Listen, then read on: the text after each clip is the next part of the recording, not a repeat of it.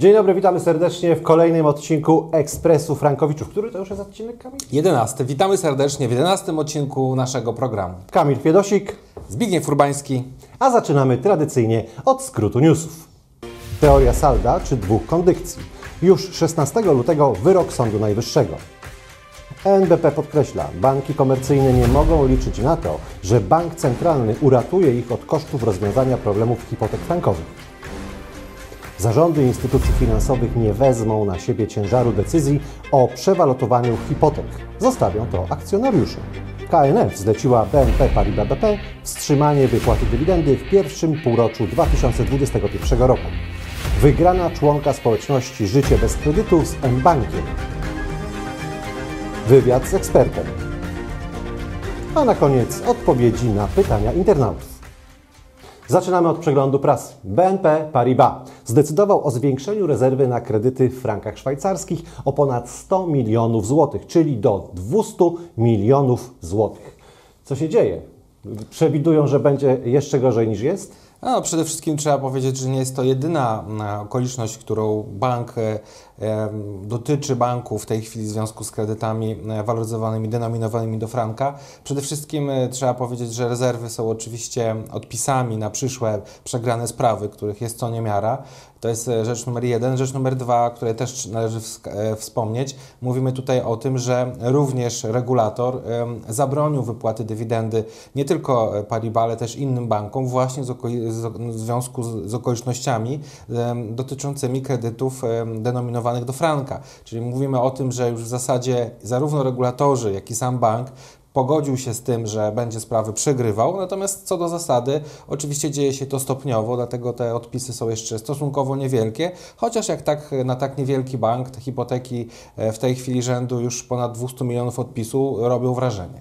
No, ważne jest też to, że na stan 31 grudnia 2020 roku bank był pozwany w 644 sprawach. To, to chyba jest dużo dla, jak sam stwierdziłeś, no, małego banku. Tak, zdecydowanie tak. No oczywiście wiedziemy tutaj prym, e, jeżeli chodzi konkretnie o kredyty Fortis, natomiast jeżeli chodzi o e, wszystkie banki, to faktycznie e, kredyty Fortis czy BGŻ, które obecnym następcą prawnym jest PNB Paribas, są jednak mniejszościowym portfelem kredytów w ogóle na całym rynku.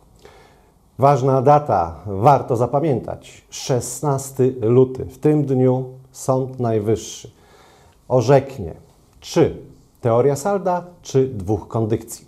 Kamil, na co stawiasz? Dwie kondykcje, prawda? Tak, zdecydowanie tak.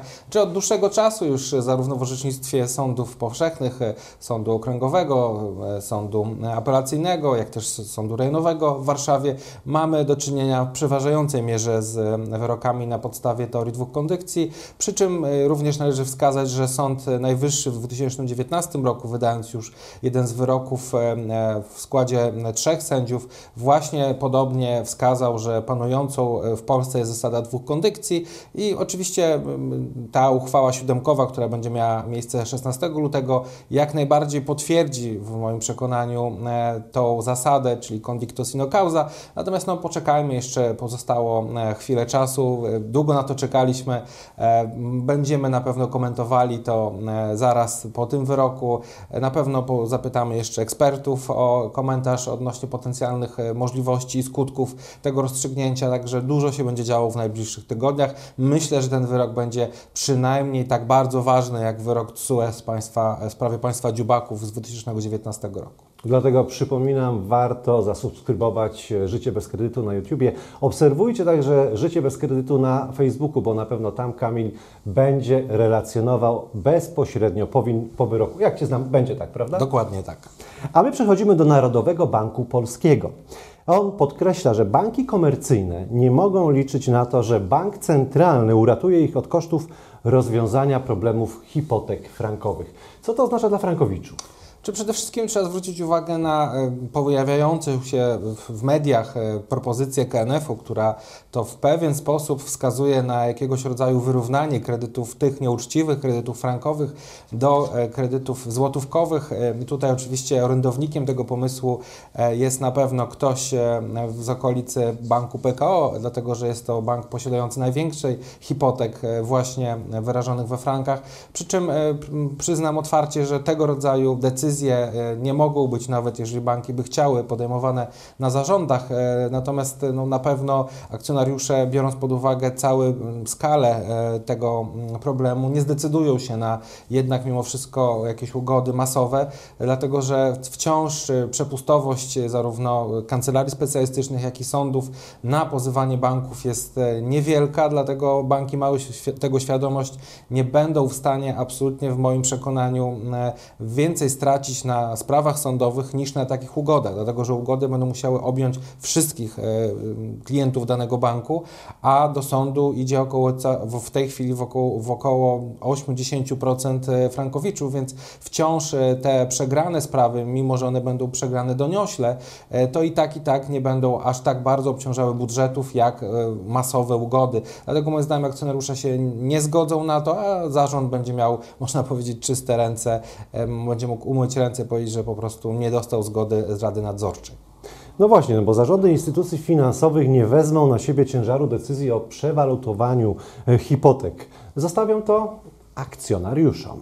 Dokładnie tak. No tutaj trzeba zwrócić uwagę, że zarówno Narodowy Bank Polski, jak i inne instytucje nie są powołane e, do tego, aby pomagać e, bankom. Tutaj chciałem powiedzieć też, że ja to oceniam dosyć e, wprost, bezpośrednio, no nieuczciwym bankom. Bardzo im przykro, że może to kogoś dotknie, ale no tutaj trzeba oceniać zarówno następców prawnych, jak i te banki, które do dziś działają pod tym właśnie samym szyldem, co wówczas w latach 2005 do 2011, kiedy ta akcja kredytowa istniała. Dlatego no, niestety no, trzeba brać odpowiedzialność za swoje e, czyny. Jeżeli w tym momencie widzimy, że banki mają klauzule abuzywne wpisane do rejestru klauzul niedozwolonych UOKiK-u, kiedy e, powstała mapa klauzul e, niedozwolonych przez rzecznika finansowego opracowana, no to ewidentnym jest to, że te banki muszą wziąć po prostu odpowiedzialność, a nie starać się szukać jakiejś, nazwijmy to, pomocy ze, na zewnątrz. No myślę, że tutaj najlepszym rozwiązaniem są po prostu e, wyroki sądowe, które są w Polsce dwuinstancyjne, więc tutaj nie ma problemu z tym, żeby e, ocenić to zgodnie z e, stanem faktycznym. I ja jestem zdania, obserwując już przynajmniej te spory, pomijając już jakieś inne kwestie, że przez 6 lat prowadzenia tych procesów naprawdę te wyroki są uczciwe i rzetelnie sąd ocenia każdą sprawę. Jeżeli nawet zdarzają się jakieś, nazwijmy to, przypadki, wypadki, no to jest to potwierdzenie reguły. Do tej pory chciałem podkreślić, że członkowie społeczności życia bez kredytu w każdej sprawie e, prawomocnym wyrokiem mają unieważniony kredyt na zasadzie teorii dwóch kondycji, więc to też mówi o tym, że jednak ta obiektywność i jakaś stabilność jest. Ty wspominałeś już o tym wstrzymaniu wypłat dywidendy z zysku w pierwszym półroczu 2021 roku, a dotyczy to banku Paribas, bo tutaj nadzór, Komisja Nadzoru Finansowego mhm. zaleciła temu bankowi, żeby jednak no, wstrzymali wypłaty liczą się e, z kolejnymi pozwami prawdopodobnie z kolejnymi e, przegranymi, prawda? Tak, no to dotyczy dosyć dużej ilości banków. Tutaj e, mBank, inne banki faktycznie mają tego rodzaju zakaz wypłaty tych dywidend, czyli kumulowanie tego no, na przyszłość, jeżeli chodzi o straty, które będą wynikały właśnie z procesów sądowych. No tutaj wracając do tych ugód, nawet jeżeli czysto hipotetycznie, chociaż ja w to absolutnie nie wierzę, byłyby jakieś ugody systemowe, to i tak i tak wiązałyby się one ze stratami stratami. Wobec tego, no jak banki mogą e, i tak posiadając bardzo niskie kapitały w tej chwili wypłacać sobie dywidendy, kiedy może się okazać, że za kilka miesięcy e, banki nie będą w stanie w ogóle pokrywać swoich zobowiązań, chociaż tu, chociażby wynikających właśnie z przegranych spraw e, z frankowiczami. I to tyle, jeżeli chodzi o bieżące newsy. Przechodzimy do wydarzeń, bo jest o czym mówić, jest się czym chwalić, pomimo tego, że były ferie, sądy pracowały i jest kolejne zwycięstwo, jeżeli chodzi oczywiście o członka społeczności Życie bez kredytu. Tym razem poległ mBank, prawda? Tak, no wspaniała wygrana, wygrana najczęściej spotykanym w tej chwili e, teorią dwóch kondycji, czyli unieważnienie, Ponadto, co bardzo ciekawe w tej sprawie, już od kilku miesięcy Tutaj Frankowicz nie płacił e, z uwagi na e, prawomocne zabezpieczenie roszczenia. Co prawda zdarza się to bardzo rzadko, ale jak widać zdarza się i e, co bardzo też ciekawe, mBank już od wielu miesięcy odłączył kredyt od, można powiedzieć, systemu bankowego, czyli już pogodził się z tą przegraną, czyli jednocześnie można powiedzieć pełna wygrana, zasada dwóch kondycji. Czekamy, czy bank się w ogóle odwoła od tego wyroku, gdyż Frankowicz tak już nie płaci rat na podstawie postanowienia sądu. Natomiast najlepiej będzie, jak sam powie o swojej historii. A panu Bartkowi oczywiście serdecznie gratulujemy wygranej.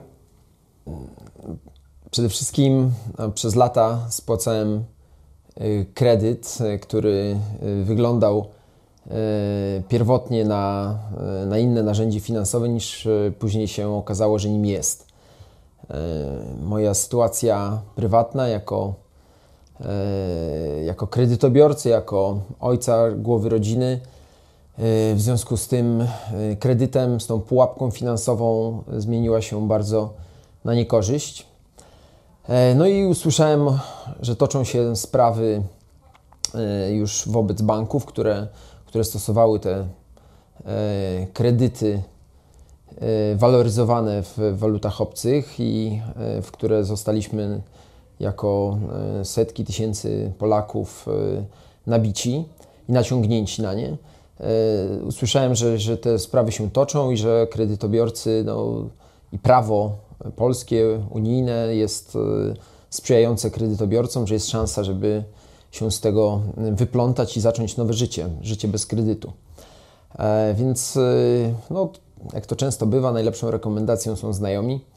Znajomi polecili mi kontakt z panem Kamilem, E, no i odbyłem kilka rozmów. E, pan Kamil jest e, osobą tryskającą energią, jest wulkanem energii. Jest osobą, która daje poczucie bezpieczeństwa i, i jest, to, jest bardzo dobrze merytorycznie przygotowany do, do tego zakresu, którym kancelaria się zajmuje. Doszło potem do spotkania w kancelarii. E, no i co, podpisaliśmy z nimi umowę, a to często jest ten moment taki, że, mm, że ten zleceniobiorca ma już klienta, czyli zleceniodawcę w ręku e, i często potem ta współpraca już zaczyna inaczej wyglądać. Natomiast e, panem Kamilem ta współpraca wyglądała cały czas bardzo dobrze. To zaangażowanie nie spadło, wręcz wzrosło. Ten kontakt był cały czas bardzo dobry pobudzany y, przez, przez właśnie pana Kamila do kolejnych kroków, y, do kolejnych, y, tak powiem, formalnych ruchów wobec banku, czyli złożenie pozwu, złożenie wszystkich wezwań do zapłaty. Odbyła się pierwsza rozprawa z, uczestnikiem, z uczestnictwem pracownika banku. No i potem zapadł COVID, gdzie miała się, na początku którego miała się odbyć moja rozprawa z moim uczestnictwem. No i wtedy, kiedy ona została przeniesiona, pan Kamil wyszedł z inicjatywą e, złożenia zabezpieczenia roszczenia w, mojej sprawie. E, to zabezpieczenie roszczenia, które no, ja, ciężko mi było nawet przypuszczać, że tak szybko i sprawnie zostanie załatwione, no a wiąże się z tym, że, że po prostu y, sąd postanawia, że nie muszę spłacać kredytu w momencie, kiedy jeszcze sprawa się nie zakończyła. Więc złożyliśmy to.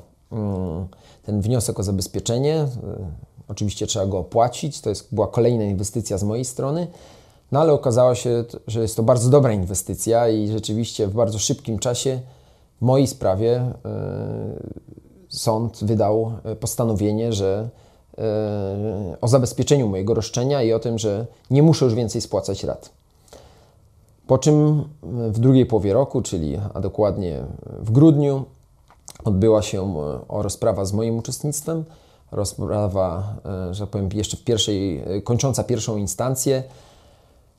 No i zgodnie znowu z zapowiedziami kancelarii, której no, też ciężko aż było wierzyć, bo człowiek no, gdzieś tam mm, jednak podchodzi do tego z dystansem, bo różne są rozstrzygnięcia.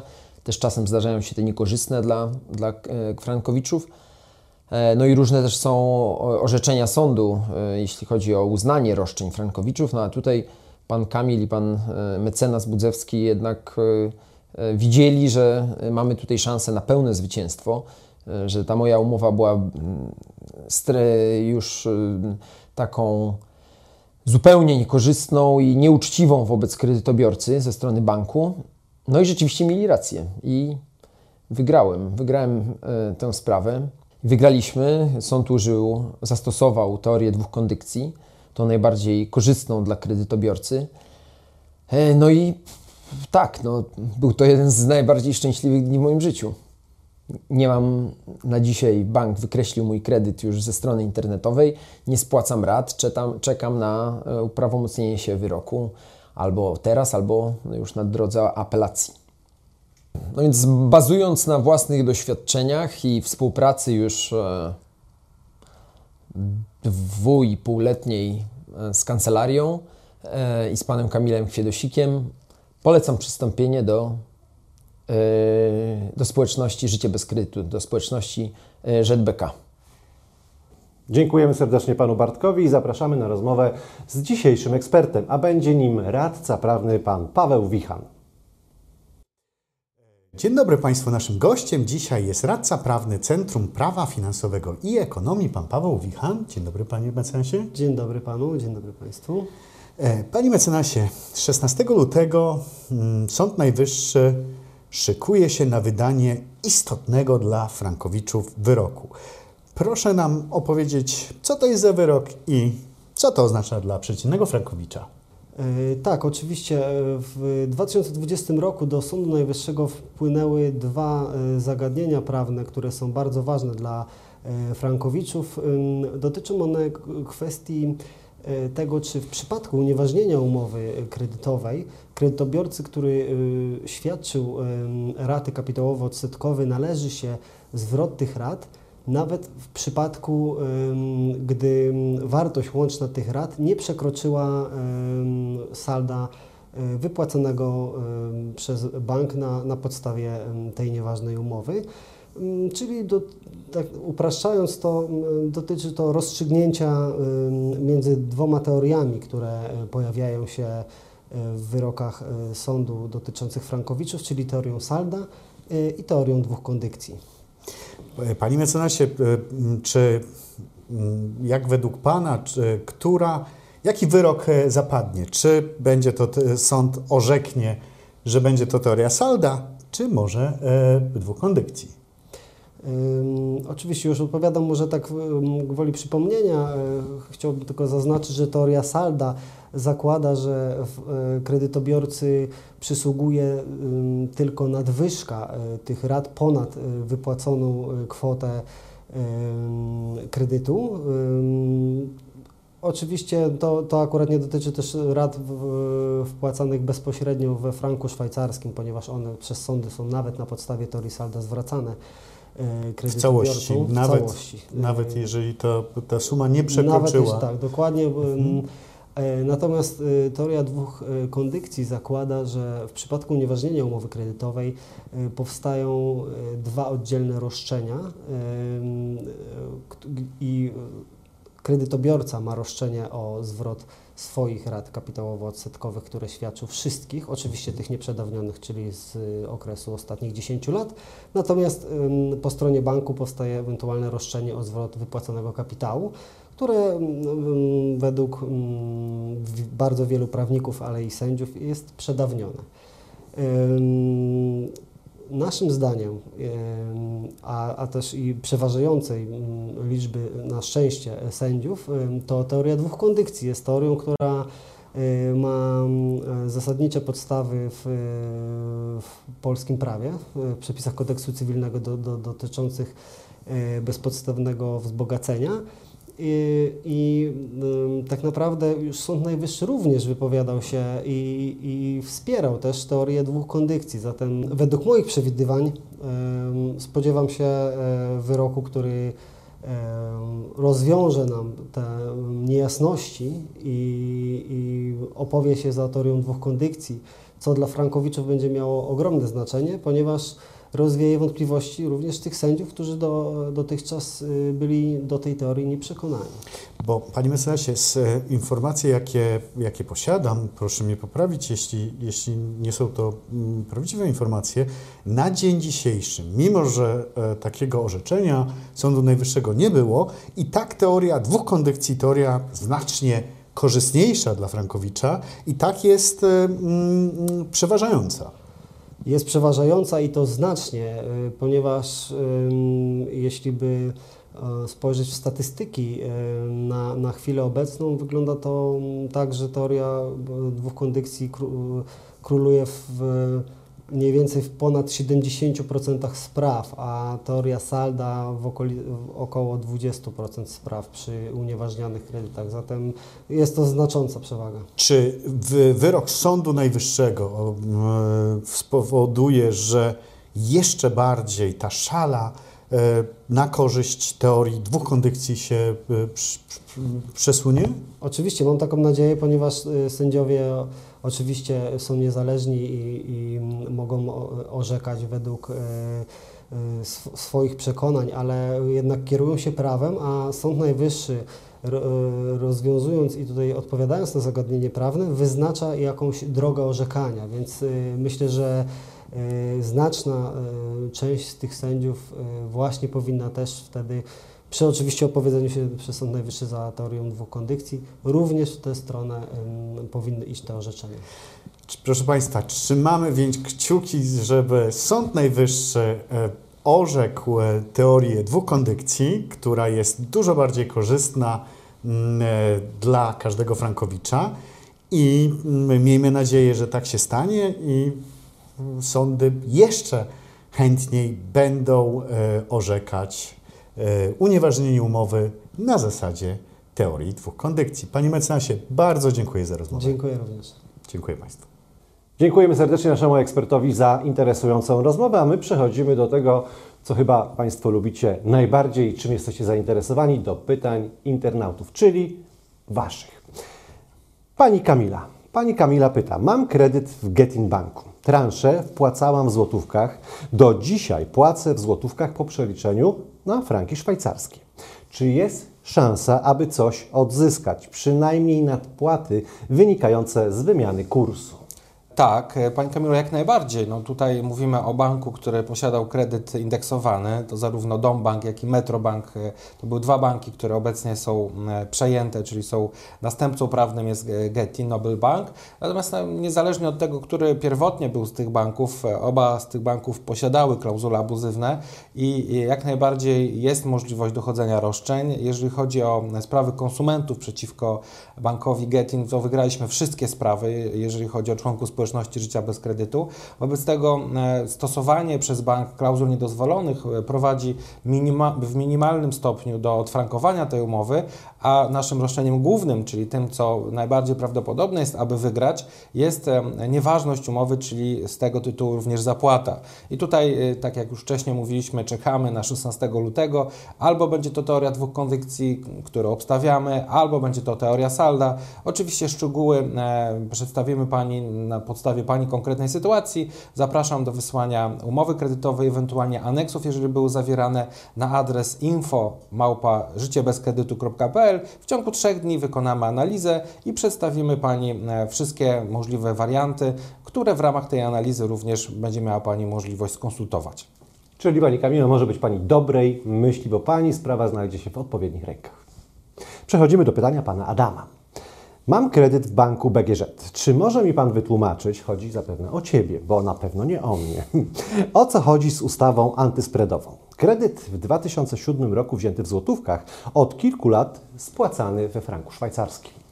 E, Okej, no, ustawa antyspreadowa właśnie e, dała możliwość e, zmiany spłaty tego, tych rat miesięcznych na franki, czyli no, pytanie dotyczy tego, co faktycznie Pan uczynił, czyli w związku z tym, że pierwotnie miał Pan obowiązek spłaty w złotówkach, a następnie dzięki ustawie antyspreadowej mógł Pan zacząć spłacać we frankach, właśnie ta ustawa antyspreadowa w szczególności dotyczyła możliwości spłaty w walucie waloryzacji, w walucie denominacji czy indeksacji tego kredytu. Czyli tu mamy do czynienia z taką sytuacją, że spłata we franku jest możliwa właśnie dzięki ustawie z 2011 roku. Przechodzimy do pytania pana Jacka. Czy może się zmienić prawo, które utrudni dochodzenie roszczeń w sądzie?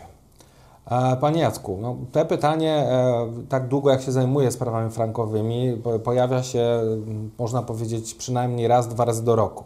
Oczywiście odpowiedź jest e, negatywna, to znaczy nie ma takiej możliwości, aby jakiekolwiek prawo wprowadzone, e, czy jako ustawa dyspozytywna, czy jakie inne, e, jak- jakakolwiek inna nowelizacja ustawy, zmieniła wstecz to, co się działo w ramach e, pierwotnego stosunku prawnego, nawiązanego powiedzmy no, w pierwotnie w latach 2005 czy 2000 e, nawet 11. Tutaj w tej sytuacji trzeba powiedzieć tylko jedną podstawową rzecz, że e, były już e, wiele, wielokrotnie prowadzone prace w komisji e, sejmowej odnośnie jakichkolwiek zmian, które mogłyby e, w sposób powiedzmy obiektywny pomóc e, frankowiczom, czy też może z drugiej strony patrząc pomóc pozbyć się problemu nieuczciwym bankom. Natomiast oczywiście z uwagi na różne powiedzmy kwestie legislacyjne nigdy do tego nie doszło i prace dawno już zostały zakończone. Także tutaj należy powiedzieć, że nie ma absolutnie póki co takiej możliwości, ja takiej nie widzę. Natomiast pokazując przykład węgierski, gdzie faktycznie doszło do pewnego rodzaju e, przewalutowania po tak zwanym kursie sprawiedliwym, no to mimo wszystko nie zastopowało to możliwości dalszego dochodzenia roszczeń na drodze sądowej i wypowiedział się na ten temat również Trybunał Sprawiedliwości Unii Europejskiej, czyli e, nawet jeżeli będzie jakiegoś rodzaju ustawa, to nie przeszkadza to, aby złożyć pozew i prowadzić wciąż pozew o ustalenie nieważności czy zapłatę z tytułu nieważności umowy. Także nie ma żadnego ryzyka, wielokrotnie to analizowaliśmy. Proszę się akurat tym, tą kwestią absolutnie nie przejmować. I to wszystko, jeżeli chodzi o dzisiejszy odcinek. Czekamy na Wasze sugestie, na Wasze pytania. Chętnie odpowiemy na każde pytanie. Jeżeli mamy zainteresować się jakimś tematem, pod warunkiem, że to nie będzie prognoza pogody, to chętnie to zrobimy. Dziękuję Ci, Kamil, Dziękuję serdecznie. Do zobaczenia. Pozdrawiam.